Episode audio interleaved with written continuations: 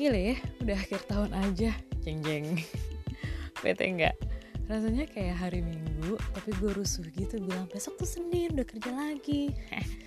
tapi jangan stres kak, masih ada dua bulan lagi, masih banyak hal yang menyenangkan yang mungkin gak disangka-sangka akan terjadi, ya gak sih? Oke, okay, hari ini gue bingung sih mau bikin podcast apa. Gue actually mau curhat doang. Gak mau bahas apa-apa yang ribet-ribet gitu nyampe aja gitu boleh ya. Um, long story short hari ini kan long weekend ya. Jadi gue ketemu sama keluarga-keluarga besar gue tuh kayak om tante gue gitu lebih ramai lah. Tapi tetap uh, eh, social distancing guys alasan aja sih tapi bener kok kita tetap menjaga sesuai dengan protokol. Nah curhat gue apa ya itu dimulai dari gue sadar kayak baru ngeh kalau ada adik sepupu gue itu uh, yang kuliah itu udah pada mau lulus gengs. Udah mulai skripsi udah mulai tinggal satu tahun lagi lah gitu. Tadi kita cerita cerita terus habis kuliah mau ke mana gitu kan ya. Kayaknya tuh gue ngerasa padahal baru kemarin tuh mereka apa ya baru-baru masuk kuliah gitu. Gue masih merasa tuh mereka tuh masih sangat kecil-kecil masih sekolah uh, ya berarti gue nya sih sebenarnya yang stuck di umur tertentu gitu. Iya agak kacau gitu. Bahkan kadang-kadang gue memang tuh biasa suka lupa umur gue berapa. Jadi uh, apa ya waktu tuh ternyata ya bener-bener flies uh, that fast gitu. Nah ini buat teman-teman yang belum ya emang gue belum pernah kasih tau juga. Jadi gue ini cewek ya iyalah ya. Uh, usia gue tuh udah tergolong cukup hmm, udah 30-an dan gue belum nikah. Sumpah ini bukan kode ke pacar gue asli kalau dia denger. Sayang ini bukan kode gue cuma mau cerita aja. Just be professional dan objektif waktu lo dengerin ini. Oke okay. cuman gue ngerasa perlu mewakili suara-suara wanita yang mungkin sebagai gue dengan problematika yang mirip-mirip gitu karena itu gue mau menyuarakan aja.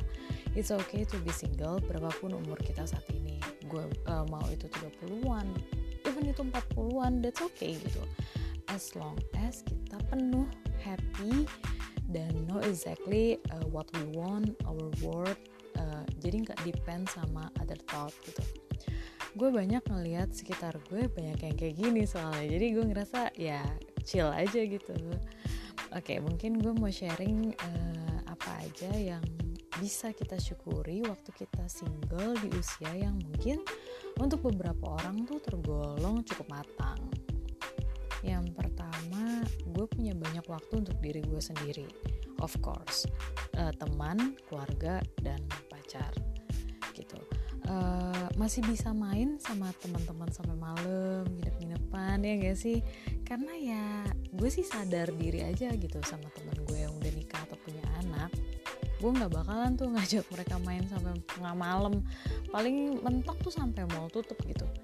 Nah dan apa ya dan gue bisa juga lebih fokus dengan hobi gue. Gue mungkin bisa me time ibaratnya gue bisa selfish uh, ke diri gue gitu. Pampering myself atau enggak gue bisa fokus uh, untuk perhatiin keluarga gue. Atau bahkan gue juga tetap bisa bagi waktu buat gue pacaran gitu. Tapi waktunya itu masih lebih leluasa uh, lo patokin gitu. Karena kalau misalnya udah menikah pasti udah lain dong ceritanya ini sih yang gue lihat dari teman-teman dan saudara gue aja ya yang udah duluan.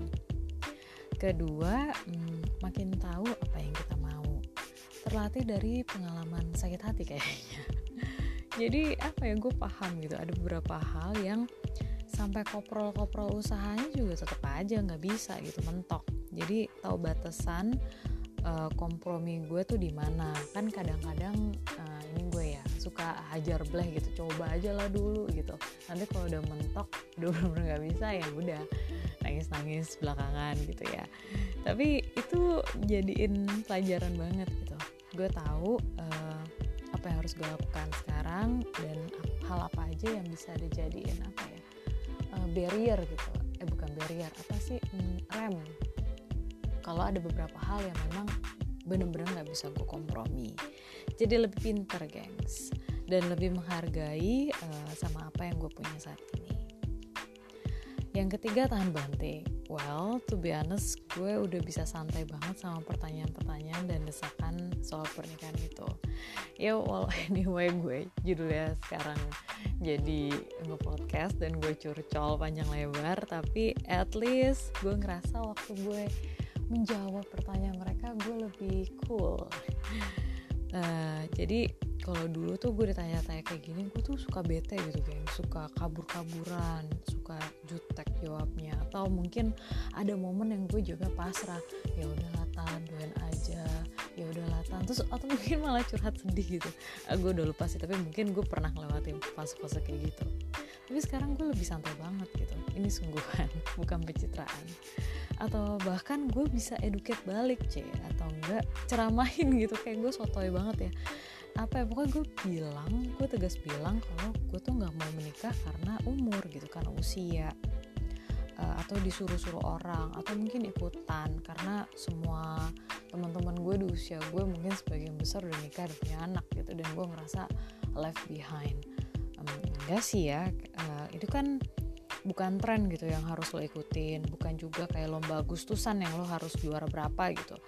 Setiap orang kan punya seasonnya sendiri dan gue percaya aja Tuhan tuh pasti kasih yang baik di waktu yang tepat gitu. Uh, rata-rata sih manggut-manggut aja gitu waktu gue ngomong hal ini. Jadi mungkin itu bisa jadi um, masukan buat teman-teman yang lain kira-kira harus apa ya kita berkelitnya jawabnya gimana. Jadi kita harus makin tough gengs sekian dari gue lega juga after cerita. Thank you for listening though. Ketemu lagi di next episode. Bye